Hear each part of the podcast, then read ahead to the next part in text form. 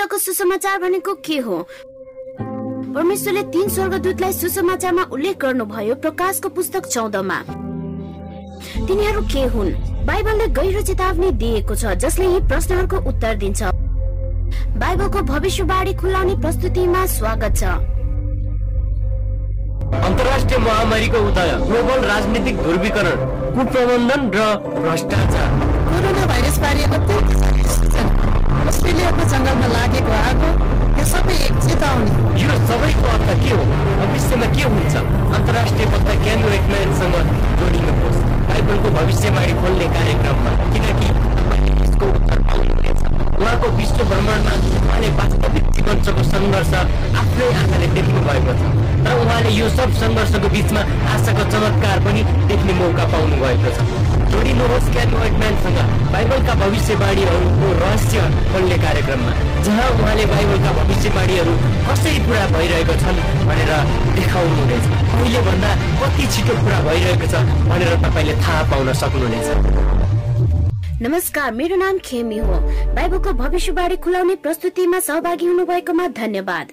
हुन सक्छ तपाईँ पहिलो पटक हेर्दै हुनुहुन्छ तर चिन्ता नगर्नुहोस्। तपाईँ एडब्लुआर डट अर्ग स्ल्यास बाइबलमा जान सक्नुहुन्छ र पहिलेको सबै कार्यक्रम हेर्न सक्नुहुन्छ।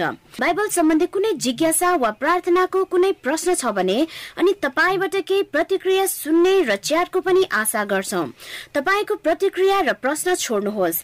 हामीले गएको सास अध्ययन गरेका थियौं सूचित चिन्ह प्रभु येसुको दोस्रो आगमन अगाडि के हुन्छ? बाइबलले देखाउँछ कि हामी कति नजिक छौँ अन्तिमको घडीमा कि विभिन्न चिन्हहरूद्वारा जहाँ धर्म राजनीति प्रकृति अनि समाज देखाउँछ। यी चिन्हहरूले प्रभु येसुको आगमनको मौसम देखाउँछ। अझै यसको महत्व अहिले हामीलाई सूचित गर्छ। प्रभु येसुको आगमनको निम्ति तयार हुने समय हो। त्यस कारणले बाइबलको भविष्यवाणी खुलाउने अति महत्वपूर्ण पाठ हो। म आशा गर्छु तपाईँ प्रत्येकले यसलाई हेर्नुहुन्छ। यसभित्र चौधवटा दृश्य चित्र प्रस्तुत छन्। र यसलाई हेरौं। हाम्रो विषय छ चेतावनी। आउनुहोस् हामीसँगै प्रार्थना गरौं। स्वर्गमा विराजमान परमेश्वर पिता धन्यवाद। हामीलाई प्रेम गर्नुभयो र स्वीकार गर्नुभएकोमा। हामीलाई धर्मशास्त्रमा चेतावनी दिनुभयो। हामीलाई तयार राख्नका लागि। हामीलाई डराउन होइन तर चेतावनी दिनको लागि हे परमेश्वर तपाईँको दोस्रो आगमनमा तयार रहन। प्रभु येसुको शक्तिशाली नाउँमा। अमेन आज हामी प्रकाशको पुस्तकमा जानेछौ। धेरै कुरा रहस्यमय पुस्तकमा उल्लेख छन्। धेरै शताब्दीसम्म कोही कोही इसाईहरू तपाईँको सन्देशदेखि डराउँथे। अझ सत्य कुरा त तपाईँको वचनमा प्रतिबन्ध लगाइएको थियो। एक निश्चित इसाई परिस्थितिमा। तर हामीले डराउनु पर्दैन यो प्रकाशको पुस्तकदेखि। यसको सांकेतिक अर्थ उजागर गर्नु हो। आज साँझको सुसमाचारले आशा जगाउँछ। तपाईँले कहिले पनि यस्तो अनुभव गर्नु भएको थिएन। प्रभु येसुले भन्नुभयो संसारको अन्त्यमा कस्ता घटना घट्नेछन्। उहाँ छिट्टै यस पृथ्वीमा आउनुहुनेछ। उहाँले आफ्नो जन्म दावा गर्नुहुन्छ कि यी कुराले कति उत्साह दिन्छ। अन्तिमको उद्धार यो महाविनाशबाट। यो संसारको दुःख र अनिश्चितता। प्रभु येसुले दिनुहुने अन्तिमका चिन्हहरू सबैको निम्ति सुसमाचारको प्रार्थना गरिनेछ। मित्रहरू आज हामी यी कुरा हेर्नेछौ। यी सबै रेडियोबाट प्रसारण हुनेछन्। टेलिभिजन र इन्टरनेटबाट पनि सुसमाचारद्वारा मुक्ति र छुटकारा पाएका भएर सुसमाचार प्रचार गरिएको म देख्दैछु। प्रत्येकको निम्ति पहिलो सुसमाचार। यहाँ एउटा कथा छ। कसरी तुरुन्तै सुसमाचार फैलियो? यहाँ म तपाईँलाई एउटा डच अफ्रिकाकी महिलाको कथा भन्दछु। एउटा छुट्टै फार्ममा बसोबास भएकी। उनले रेडियो आवाजबाट बाइबलको सुसमाचार सुनिन्। यो बाइबलको सत्य वचनले उनको जीवन परिवर्तन भयो। हामीलाई चाहिने आवश्यक विषयमा सिक्न सकिने। परमेश्वरसँग तीनवटा निश्चित सुसमाचारहरू छन्। यो अन्तको समयमा प्रभु येसुको लागि तपाईँको आस्था र विश्वास प्रभु येसुको लागि तिनको आस्था र विश्वास बढ्दै गरेको कारण तिनले सिकेका कुरा सबै बाँड्न इच्छुक भइन् पुरै गाउँभरि। हेर्नुहोस् तपाईँ सत्यता लुकाउन सक्नुहुन्न। एकचोटि थाहा भइसकेपछि। यो एक आपसमा बाँड्नै पर्छ। उनी आफै मात्र पहिले ती कुराहरू सम्बन्धी पढिन् तर सिक्दै गर्दा अरूमा पनि बाँडिन्। गाउँलेहरूले सकारात्मक रूपमा जवाब दिन सुरु गरे। समूहमा विभाजित भएर अझै बाइबल अध्ययन गर्न अनुरोध गरे। एक दर्जन जति छिमेकी उनीसँग बाइबल अध्ययनको लागि गए। एक दिन बारबी घरमा काम गरिरहेकी थिइन्। जब तिनले घर बाहिर धेरै हल्ला सुनिन् परिवारको समूह देखेर तिनी छक्क परिन्। उनको घरको बाहिर मानिसको समूह जम्मा भयो। उनले यो विश्वास गर्न सकिनन्। त्यसपछि एकजना मानिस भित्र पसे। उनले आफू उपा भएको परिचय दिए। उनी पचास जना गाउँले सहित सत्ताइस माइल हिँडेर आएका थिए। त्यहाँ आउन सत्तरी किलोमिटर टाढा थियो। त्यहाँ आउन तिनीहरूलाई पुरा दिन लाग्यो। आँखाभरि आँसु लिँदै उपाले अचम्म मानिन्। परमेश्वरको विषयमा सिक्न उहाँको सत्यता थाहा पाउन हामीले यति लामो दूरी हिँड्छौ। के तपाईँ हामीलाई केही बाँड्न चाहनुहुन्छ? अब गएको वर्ष बार्बी र उनको श्रीमानले आफ्नो पहिरन लगाए। बेल्टाको बनावट मण्डली पनि तपाईँकै सम्पत्ति हो। अब हप्ताको सय जना भन्दा बढी जम्मा हुने गर्छन्। प्रभु येसुको प्रेम र निर्देशन थाहा पाउन। मित्रहरू तपाईँलाई प्रभु येसुले कति प्रेम गर्नुहुन्छ? हामीसँग उहाँको प्रेमको प्रमाण छ। हेर्नुहोस् सबैभन्दा ठुलो प्रेमको उजागर। यो सबै प्रभु येसुलाई यस संसारमा पठाउन थियो। पूर्ण इच्छा सहित यो संसारमा मोल तिर्न को आयो? तपाईँ र मेरो पापको ज्याला तिर्नको लागि। मलाई मनपर्ने पद युहन्ना तिनको सोह्र बाँड्न चाहन्छु। किनभने परमेश्वरले संसारलाई यस्तो प्रेम गर्नुभयो कि उहाँको एकमात्र पुत्र हाम्रो लागि दिनुभयो ताकि जसले उहाँमाथि विश्वास गर्छ त्यो नाश नहोस् तर अनन्त जीवन पाओस्। किनकि उहाँले हामीलाई अत्याधिक प्रेम गर्नुहुन्छ। किन प्रभु येसु हाम्रो निम्ति मर्नु पर्यो? रोमी सातको तेइसमा यसरी भनिएको छ पापको ज्याला मृत्यु हो। तर परमेश्वरको सित्तैको वरदान चाहिँ अनन्त जीवन हो। हाम्रो प्रभु येसु ख्रिस्टमा प्रभु येसुमा कुनै पाप थिएन तर हाम्रो सट्टामा सजाय भोग्नुभयो। दोस्रो कुरन्ती पाँचको एक्काइसले भन्दछ उहाँ जो परमेश्वर हुनुहुन्छ यो काम उहाँले गर्नुभयो जो प्रभु येसु हुनुहुन्छ। जसलाई पाप थाहै छैन हाम्रो लागि उहाँ पापी हुनुभयो। कि तपाईँलाई कुनै महसुस वा अनुभव छ गेचमनी बगैँचाको सेरोफेरोमा? हाम्रो पापको ज्यालाले यो हुन आयो। यो पुरा संसारको पापले उहाँलाई थिच्यो शुद्ध सेतो थुमा। प्रभु येसुले सबै उठाउनु भयो प्रभु येसु आफै हेपिएको थुकिएको घृणा गरिएको थाहा पाउनुभयो। क्रुसको अगाडि उहाँले घुँडा टेक्नुभयो। तपाईँ उहाँसँगै एक दर्दनात्मक सत्यतामा हुनुहुन्छ। यो तपाईँ र मेरो भूलको परिणाम हो। तपाईँ र मेरो लाज। प्रभु येसुले हामी प्रत्येकको दोष बोक्नुभयो। आज संसारको ध्यान उहाँमा छ। एउटै मात्र कारण त्यो हो पाप। जब हामी निर्दोष भएर स्वतन्त्र हुन्छौँ तपाईँ र मेरो निम्ति प्रभु येसुले प्रार्थना गर्नुभयो। यही नै सबै थोकको केन्द्रबिन्दु हो। पिता परमेश्वर अरू कुनै बाटो छ भने यसबाट मलाई निक्लन दिनुहोस्। यदि होइन भने यो मोल हुन सक्दैन थियो। मानिस जातिको उद्धारको निम्ति। त्यसो हो भने तपाईँको इच्छा पूरा होस्। पुरानो नियममा इसरायलीहरूले बलि चढाउँथे तपाईँको पाप क्षमाको निम्ति जुन प्रभु येसुमा सम्भव छ। कसले उहाँको रगत क्रुसमा छर्कन्छ? प्रत्येकको पाप क्षमाको निम्ति। पवित्र विधि पुरानो नियममा उल्लेख छन्। मुक्तिको निम्ति परमेश्वरको योजनाको विषयमा हामीलाई सिकाइनु पर्दछ। प्रभु येसुले आफ्नो जीवन परमेश्वरको आशा अनुसार पूर्ण आज्ञाकारितामा जिउनु भयो अनि उदाहरणीय सम्बन्ध र क्रियाकलाप सँगै अरूसँगको अनन्तको सम्बन्ध र परमेश्वरको सिद्ध प्रेममा। तपाईँ प्रकृतिलाई पनि निहाल्नुहोस् आदमको बगैँचामा आदम र हब्बाले के गरे? प्राकृतिक तवरले शैतानद्वारा परिचित चालिस दिनको उपवास पछि प्रभु येसु नम्रता र विश्वासमा अडिनु भयो परमेश्वरको वचन पवित्र वचन बाइबलको सहारा लिनुभयो। प्रभु येसुले विजय प्राप्त गर्नुभयो चाहे इसरायल असफल भएको थियो। शैतानसँग लडाई गर्न प्रभु येसुले व्यवस्थाको मदत लिनुभयो। मित्रहरू यो पुरानो करारबाट हो। कि तपाईँले हेर्नुभयो प्रभु येसुले धर्मशास्त्र कसरी प्रयोग गर्नुभयो? पुरानो करार र नयाँ करार सँगसँगै जान्छ। प्रभु येसुको विजय र उहाँको पूर्ण आज्ञाकारी जीवन। उहाँलाई उद्धारकर्ताको रूपमा ग्रहण गर्नु हाम्रो दायित्व हो। के तपाईँ उहाँको जीवन तपाईँकोमा सरेको चाहनुहुन्छ? परमेश्वरको आज्ञाकारिता जीवनमा सशक्तिकरण भएको होस्। प्रभु येसुले आफैलाई हाम्रो निम्ति अर्पण गर्नुभयो। एउटा भेडाको रूपमा उहाँको दोष बिना नै। संसारको पाप उठाइलान को आउनुभयो? अनि मार्टिन लुथरले जस्तै रमणीय प्रस्तुति उहाँले मलाई सुधारिएको बनाउनु भयो मेरो पाप नै तपाईँको पाप यदि उहाँले मेरो पाप उहाँको पाप बनाउनु भयो भने मसँग केही छैन म स्वतन्त्र छु। प्रभु येसुको क्रुसको मृत्युमा। यो बितेको ऐतिहासिक घटना भन्दा पनि महत्वको छ। यो पाल प्रेरितले प्रभु येसु प्रति भनेका कुरा भन्दा अझ महत्वपूर्ण छन्। प्रभु येसु जो क्रुसमा मर्नुभयो उहाँ जीवित हुनुहुन्छ मित्रहरू। उहाँको पुनरुत्थान भएको छ। मृत्युलाई उहाँले जित्नु भयो शैतानको शक्तिलाई हराउनु भयो अनि हामीलाई ठिक बाटोमा ल्याउनु भयो उहाँको पुनरुत्थानले हाम्रो मृत्यु रहितको जीवनको पक्का गरेको छ। किनभने उहाँको अनुमतिले हामी सधैँको लागि जीवित रहनेछौँ। प्रभुले हाम्रो जीवन हाक्ने शक्ति उपलब्ध गर्नुहुन्छ। हामी नयाँ जीवनमा हिडुल गर्नेछौँ। उहाँद्वारा मात्र हामी नयाँ गरी जन्मन सक्नेछौँ। उहाँको महान प्रेम हाम्रो निम्ति उहाँले अन्तमा आफैलाई हाम्रो निम्ति बलिदान गर्नुभयो। हामीलाई होसियार राख्न परमेश्वरले सबै थोक गर्नुभयो ताकि आउने समयको निम्ति हामी तयार हुन सकौं। र आजको विषयमा स्मरण गरौं। यदि यो बाइबलमा छन् भने म विश्वास गर्दछु।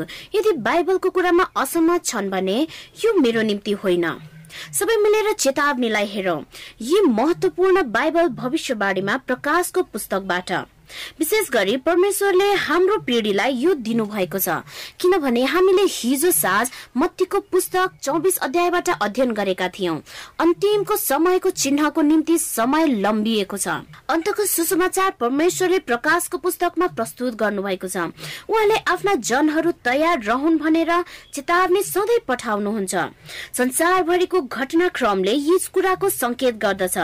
यसले तपाईँको अन्तिम लक्ष्यलाई प्रभाव पार्छ। वास्तवमा त्यहाँ बाइबलको रेखाङ्कन प्रस्तुत छ जुन आज प्रस्तुति गर्न आतुरी छौँ हामी।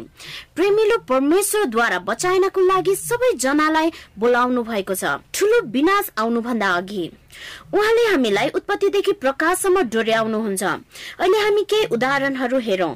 हराएको महिला र पुरुषलाई तयार पार्न परमेश्वरले नोआलाई सल्लाह दिनुभयो। संसारको विनाशको निम्ति पानीद्वारा उहाँका जनहरू बचाइयोस् भनेर परमेश्वरले गहिरो इच्छा प्रकट गर्नुभयो। यो होइन कि बाढीले नष्ट गरेको। परमेश्वरको यस्तो हृदय छ कि उहाँको ठुलो र अचम्मको विशेषता छ। परमेश्वरले नोआलाई संसार नष्ट हुँदैछ भनी चेतावनी दिनुभयो। दिनुभयो अनि एक सय बिस वर्षसम्म मानिसलाई निर्णय गर्ने मौका दिनुभयो।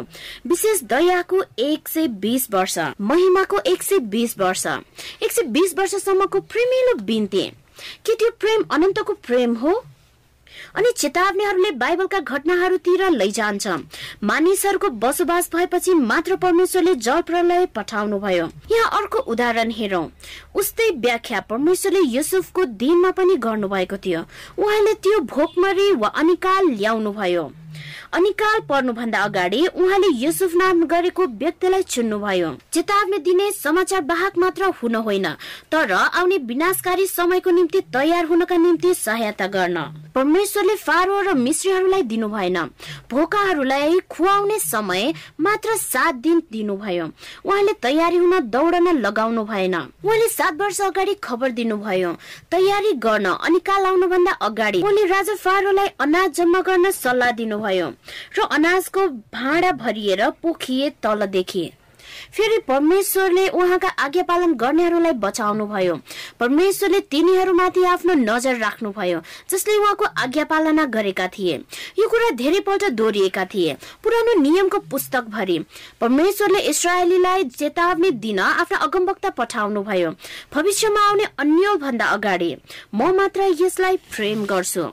अब नयाँ करारमा परमेश्वरले बत्तिसमा दिने योहनालाई बोलाउनु भयो प्रभु येसुको पहिलो आगमनलाई बाटो तयार पारियो। योहनाले शक्तिशाली वचन प्रचार गरे।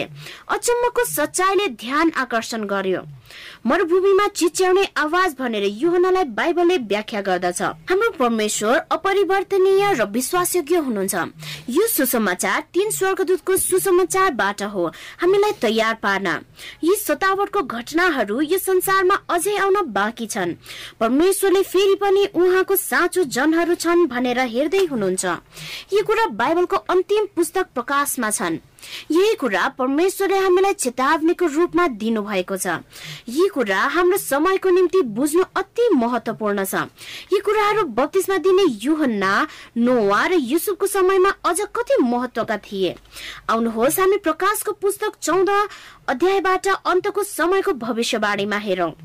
सिधै बाइबलबाट हामी हेरौँ स्वर्गदूतले दावा गरेका कुराहरू। आउनुहोस् सुसमाचार एकबाट सुरु गरौँ। प्रकाशको पुस्तक चौधको छ र सात पदमा। अनि अर्को स्वर्गदूतलाई मध्य आकाशमा उडिरहेको मैले देखे। पृथ्वीमा रहने हरेक जाति कुल भाषा र मानिसलाई घोषणा गर्ने अनन्त सुसमाचार तिनीसँग थियो। तिनले चर्को स्वरमा भने परमेश्वरसँग डराओ र उहाँलाई महिमा देऊ किनकि उहाँको इन्साफको घडी आएको छ। स्वर्ग पृथ्वी समुद्र र पानीका मूलहरू बनाउनु हुनेलाई दण्डवत गर। परमेश्वरको जरुरी सुसमाचार जुन संसारको अन्तको समयको लागि हो जुन हतार हतार स्वर्गदूतहरूले ल्याउँदै थिए। पृथ्वीको अन्तको समयको लागि। यिनी चाहिँ संसारका अथवा पृथ्वीका साथी थिए र हरेक देशमा वा राज्यमा जाँदै थिए।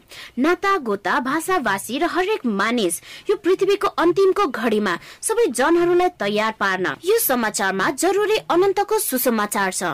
यो भनेको के हो त? यो सुसमाचार नै असल उत्तम समाचार हो जुन प्रभु येसुबाट हो। स्वर्गीय अनन्त जीवनको निम्ति हाम्रो पाप क्षमा भएको हुनेछ। पहिलो कुरन्ती पन्ध्रको तीन र चार पद। धर्मशास्त्रले व्याख्या गरे अनुसार प्रभु येसु हाम्रो पापको खातिर मर्नुभयो अनि उहाँ चिहानमा गाडिनु भयो अनि उहाँ तेस्रो दिनमा बौरी उठ्नुभयो। नम्बर एक प्रभु येसु हाम्रो पापको खातिर मर्नुभयो सुसमाचारको केन्द्रबिन्दु नै प्रभु येसुको मृत्यु हो। हाम्रो आशा भनेको प्रभु येसुको क्रोसमा हो। एफिसीको दुईको आठ र नौ। अनुग्रहद्वारा भन्ने उल्लेख गरिएको छ। तपाईँ यसुमाथिको विश्वासले जिउनु भएको छ। तिनीहरू आफैद्वारा बाँचेका भने होइनन्। यो हाम्रो कामद्वारा होइन तर परमेश्वरको वरदान हो। त्यसकारण कसैले घमण्ड नगरोस्। ती चाहिँ उपहार हो अनि परमेश्वरले तपाईँलाई दिनुहुन्छ। नम्बर दुई प्रभु येसुले पूर्णताको निम्ति जीवन जिउनु भयो प्रभु येसुको पूर्णताको जीवनको अभिलेख सबैको लागि खुल्ला छ। तिनीहरूको पापी अभिलेख जसले प्रभु येसुलाई स्वीकार गरेका छन्। उहाँ पूर्ण हुनुहुन्थ्यो र आज पनि हुनुहुन्छ। हामी अधुरो छौँ वा पूर्ण छैनौँ। उहाँको पूर्ण न्याय हामी परमेश्वरको सिंहासन अगाडि पूर्ण भएर उभिन सकौँ। यदि तिम्रा पाप सिन्दुरी रङका भए तापनि ती सेता हुनेछन्। नम्बर तीन प्रभु येसु मृत्युदेखि उठ्नुभयो। प्रभु येसु हाम्रो लागि मर्नु भएको मात्र होइन तर उहाँ हामीसँगै जिउनुहुन्छ।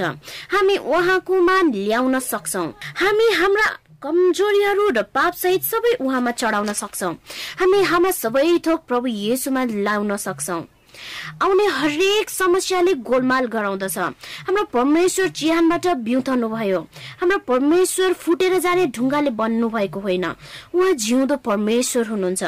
अनि चौथो नम्बरमा प्रभु येसु पिता परमेश्वरमा जानुभयो। यो महत्वपूर्ण छ कि किनकि हरेक नेताहरू संसारका ठुला राजनीतिज्ञहरू मरिजान्छन्। नबुक दनेश्वर मरे। महान अलेक्जेन्डर पनि मरिगए। सिजर नेपोलियन हिटलर स्टालिनहरू पनि मरिगए। तर प्रभु येसु जीवित हुनुहुन्छ। उहाँ दुई हजार वर्ष अगाडि परमेश्वर पिता कहाँ प्रस्थान गर्नुभयो अनि अहिले स्वर्गमा हुनुहुन्छ। उहाँको सबभन्दा ठुलो चाहना भनेको उहाँको राज्यको निम्ति तपाईँलाई बचाउनु हो। अनन्तको सुसमाचार भनेको प्रभु येसु र उहाँ नै यसको उत्तर हुनुहुन्छ। उहाँले लगातार क्षमादान दिइराख्नु भएको छ। अझै पनि प्रभु येसुले जीवन परिवर्तन गर्नुहुन्छ। म झ्यालखानामा मृतकहरूको समूहमा आँखाले देख्ने साक्षी हुँ। एक समय उसले उसप्रति प्रभु येसुको प्रेम बुझेको थियो। उसले आफ्नो जीवनमा प्रभु येसुलाई स्वीकारेको थियो। त्यसका बावजुद पनि अब तपाईँ अनन्त जीवनको आशा छ। मैले खेतमा देखिसकेको छु सबै कम्युनिस्ट विद्रोहीहरू तिनीहरूले आफ्ना हात हतियार छोडेर संगतिमा सहभागी भए। अनि एक पटक हिमाली देश नेपालमा मैले मेरो भिडियो कर्मी र म नेपाल गयौँ। भर्खरै बत्तिसमा भएको इसाई गाउँ मैले व्यक्तिगत रूपमा निरीक्षण गरे त्यहाँ। पहिला मानिस निको पार्न व्यक्ति हाल प्रभु यीशुमा आनन्द मनाएको देखियो। उसले आफू ऋतु भएको महसुस गर्यो।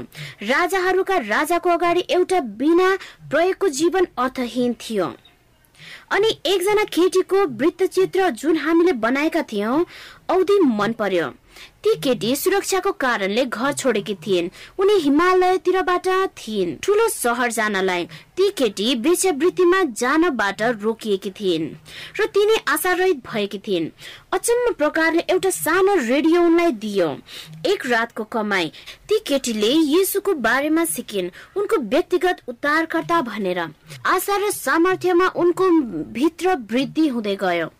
तिनले त्यो जीवन स्वीकार गरेन् अनि अहिले उनी परमेश्वरको छोरीको रूपमा स्वतन्त्र रूपमा जिउँदैछिन्। साथीहरू यसुले कुनै पनि व्यक्तिको जीवन परिवर्तन गर्न सक्नुहुन्छ। उहाँ विनम्र भलात्मी व्यक्ति हुनुहुन्छ। उहाँले हामी सबैलाई बोलाउनु भएको छ। अनि अनुग्रहको विषयमा जानौ ताकि सारा संसारले जान्न सकोस् जुन मत्तीको चौबिसको चौधमा छ। सुसमाचार सारा संसारमा प्रचार गरिनेछ। प्रभु येसुको आगमन भन्दा अगाडि प्रत्येक व्यक्तिले अवसर पाउनेछन्। परमेश्वरले प्रतिक्रिया स्वरूप जवाफ दिँदै हुनुहुन्छ। त्यो तपाईँको जीवनमा उहाँ सधैँ सुरक्षा दिनुहुन्छ उपलब्ध गराउनुहुन्छ र सधैँ हाम्रो निम्ति सचेत गराउनुहुन्छ। उहाँ तपाईँको नजिक आउन कुरिराख्नु भएको छ। तपाईँले तपाईँको हृदयको इच्छा सुन्नुहोस्। अब हामी अनन्तको सुसमाचारलाई मनन गरौँ। हामी पहिलो स्वर्गदूतको सुसमाचार फर्काउनेछौँ। प्रकाश चौधको साथ। परमेश्वरसँग डराओ र उहाँलाई महिमा देऊ किनकि उहाँको इन्साफको घडी आएको छ। स्वर्ग पृथ्वी समुद्र र पानीका मूलहरू बनाउनलाई दण्डवत गर। परमेश्वरसँग डराउनु भनेको के हो? परमेश्वरसँग डराउनु भनेको परमेश्वरलाई आदर दिनु हो। उहाँले दिनुभएको शिक्षालाई पालना गर्नु हो। उपदेशकको पुस्तकको बाह्रको तेह्रले भन्दछ। निष्कर्षलाई सुनौ।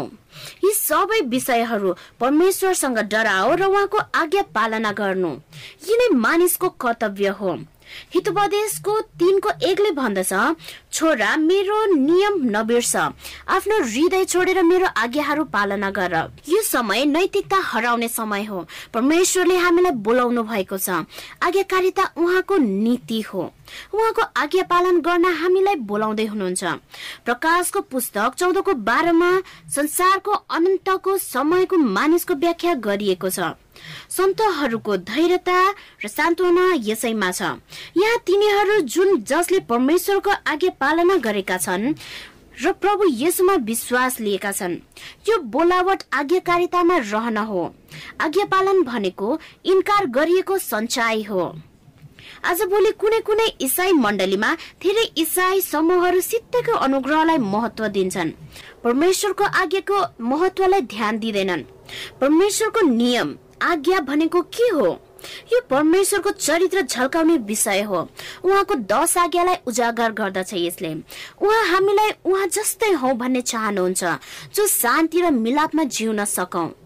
पहिलो कुरन्ती दसको एकतिसले भन्छ यस कारण चाहे तिमीहरू खाऊ अथवा पिउ अथवा जेसुकै गर सबै परमेश्वरको महिमाको निम्ति गर। रोमी बाह्रको एकमा पनि भनिन्छ म तिमीलाई बिन्ती गर्छु मेरो दाजुभाइहरू परमेश्वरको अनुग्रहले तपाईँको शरीर परमेश्वरमा समर्पण गर्नुहोस्। त्यो जिउँदो बलिदान होस् जुन परमेश्वरको निम्ति स्वीकार्य होस्। जुन तपाईँको योग्य सेवा होस्। हाम्रो शरीर परमेश्वरको मन्दिर हो र यो परमेश्वरकै हो। सबै थोकमा परमेश्वरलाई अभिनन्दन गर्नु जुन हाम्रो जीवनको अर्थ हो। प्रकाशको पुस्तक चौधको साथमा उहाँलाई महिमा देऊ किनकि उहाँको इन्साफको घडी आएको छ। स्वर्ग पृथ्वी समुद्र र पानीका मूलहरू बनाउने हुनेलाई दण्डवत गर। हाम्रो सृजनशील परमेश्वर प्रकाशको पुस्तक चौधको साथले हाम्रो ध्यान तान्छ। उहाँलाई पुज्नु जसले स्वर्ग र पृथ्वी सृजनु भयो। उहाँको आराधना गर्नुको आधार चाहिँ परमेश्वरले हामीलाई सृष्टि गर्नुभयो। प्रकाश चारको एघार परमेश्वर तपाईँ योग्य हुनुहुन्छ जो महिमा आदर र शक्तिको योग्य। तपाईँले नै सबै थोक सृजनु भयो तपाईँकै इच्छाद्वारा। सबै थोक सृजिएका हुन्।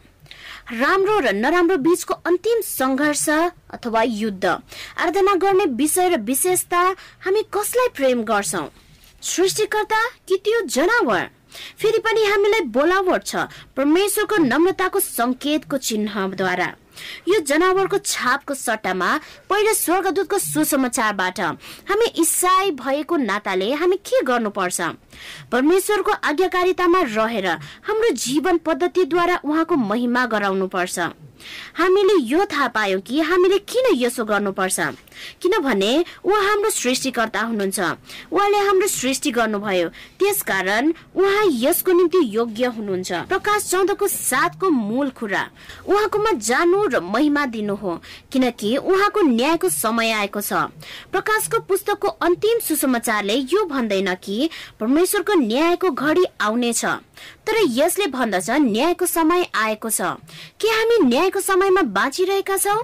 कि यसले सारा मानव जातिलाई धोका दिन्छ? कि अब छिट्टै यसको छिनोफानो हुन्छ?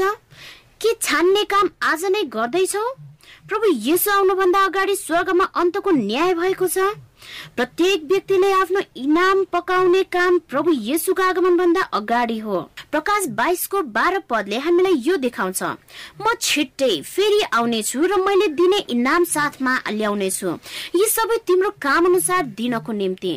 यदि प्रभु येसु तपाईँको इनाम दिन आउँदै हुनुहुन्छ भने पक्कै पनि त्यहाँ न्याय हुनेछ। प्रभु येसु आउनुभन्दा अगाडि नै प्रकाशको सोह्रको साथमा।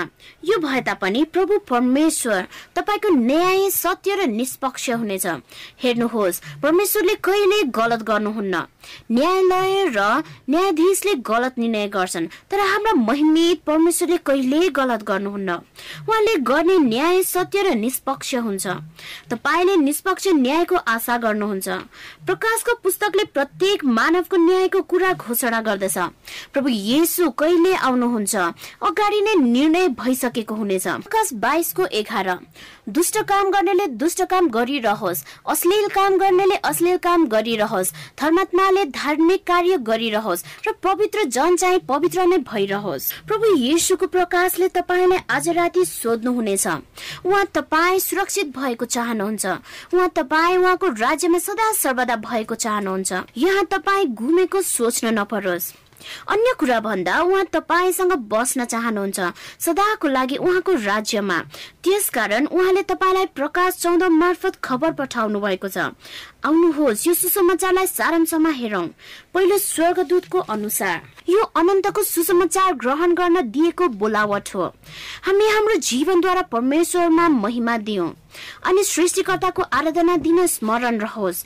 यो हाम्रो प्रतिबद्धता निम्ति परमेश्वरको बोलावट। आज्ञाकारिता र विनम्रता। त्यसपछि दोस्रो स्वर्गदूतबाट अरू गुप्तका कुरा उजागर गरियो। यहाँ परमेश्वरको वचनले के भन्छ हेरौं।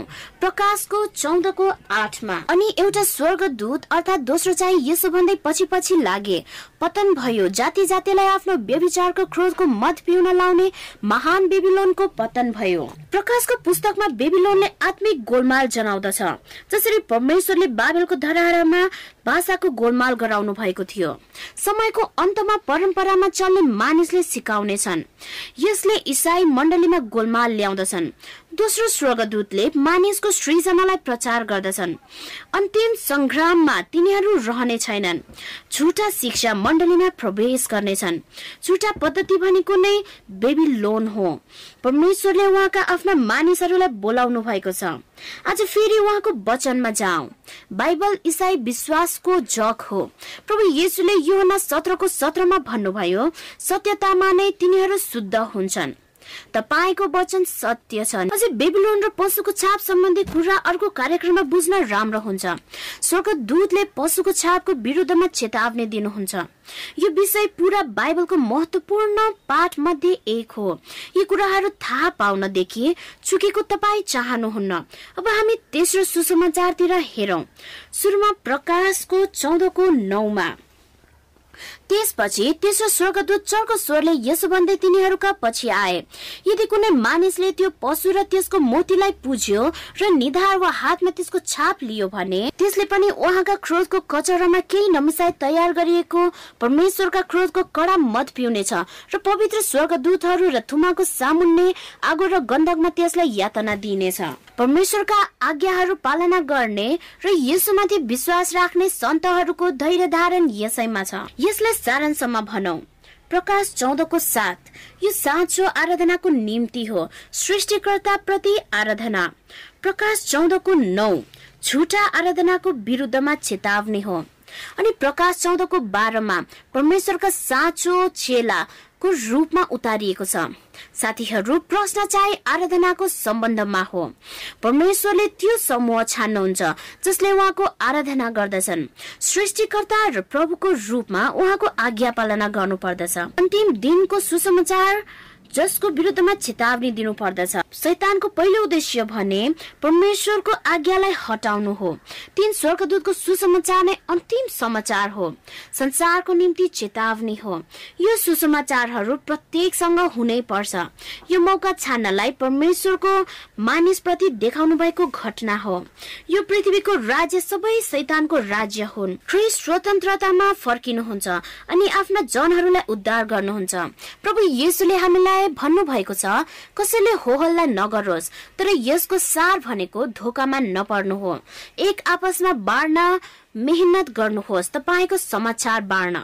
यो समय अरूलाई बाँड्ने समय हो डराउने होइन। हाम्रो वरिपरि भविष्यवाणीका अनेक चिन्हहरू छन्। आजको दिन सेवक हुनका लागि हो। विश्वासी र विवेकीको निम्ति प्रभु फेरि आउँदै हुनुहुन्छ। यो बोलावट चाहिँ परमेश्वरमा पूर्ण समर्पणका लागि हो। तपाईँको सोचाइलाई पछ्याउन कुनै सम्झौता हुँदैन। अन्तको समयमा आफ्ना जनहरूप्रति परमेश्वरले कस्तो इच्छा प्रकट गर्नुहुन्छ? यो उहाँको निम्ति हृदयदेखि आउने विनम्रता हो। यो स्वेच्छाले उहाँप्रति हुने आज्ञाकारिता हो। यो उहाँमा हाम्रो जीवनको समर्पण हो। एकजना ज्ञानी सानी केटी थिए उनी एकदम दुर्लभ रोगको शिकार भएकी थिइन्। उनलाई बचाउन उनको शरीरको पुरा रगत परिवर्तन गर्नुपर्ने थियो। धेरै अनुसन्धान पछि थाहा भयो कि परमेश्वरले मात्र केही गर्न सक्नुहुन्छ। उहाँमा मात्र आशा भयो। अन्तमा बचाउन रक्तदान चाहियो। उक्त रगत उनका जुडुवा भाइबाट लियो। उनीसँग मिल्ने रगत भएकोले होइन तर उनी पनि यस्तै उनी बहिनीको अवस्थाले पीडित थिए। उक्त अवस्थाले उनलाई पीडा थियो। उनको रगत उनी आफ्नै शरीरको विपरीत प्रतिक्रियात्मक थियो। जब डाक्टर ब्राडले ती केटालाई सोधे कि उनी आफ्नो रगत दिन तयार छन् कि रगत दिन सुरुमा हिचकिचाएर उनले केही बेर सोचे। जब डाक्टरले व्याख्या गरे त्यो मात्र बाटो थियो जसबाट उनको बहिनी बाँच्न सक्थिन्। त्यो केटाको आँखा आँसुले भरियो। उसले जवाब दियो हुन्छ म सधैँ सेवा गर्नेछु। रगत परिवर्तन चलिरह्यो। दुवैजना सँगै आम्ने सामने बसेका थिए। अस्पतालको उपचारको क्रममा एकअर्काको हात समातेका थिए। डाक्टरले सन्तोषको सास फेर्न पाए। जब उसले रङ परिवर्तन देख्यो जुडीको अनुहारमा हेर्यो जब काम कुरो सिद्धियो ती जवान अचानक शान्त भए। उनका निला ठुला आँखा डाक्टरतिर लगाउँदै थिए। अनि शान्त भएर एउटा प्रश्न आयो। डाक्टर म कहिले मर्नेछु एउटा साहसी दाजुले आफै यो कुरा सोचे। उसको रक्तदानले गर्दा उसले यो जीवन त्याग्दैछ।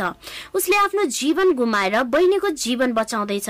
उसले आफ्नो जुम्ला बहिनीलाई अति प्रेम गरेको थियो। हामीसँग राजा यसु हुनुहुन्छ जो हाम्रो निम्ति स्वयं सेवक अवस्थामा नै मर्नुभयो। क्रुसलाई हेला गरेको कति पनि सुहाउँदैन।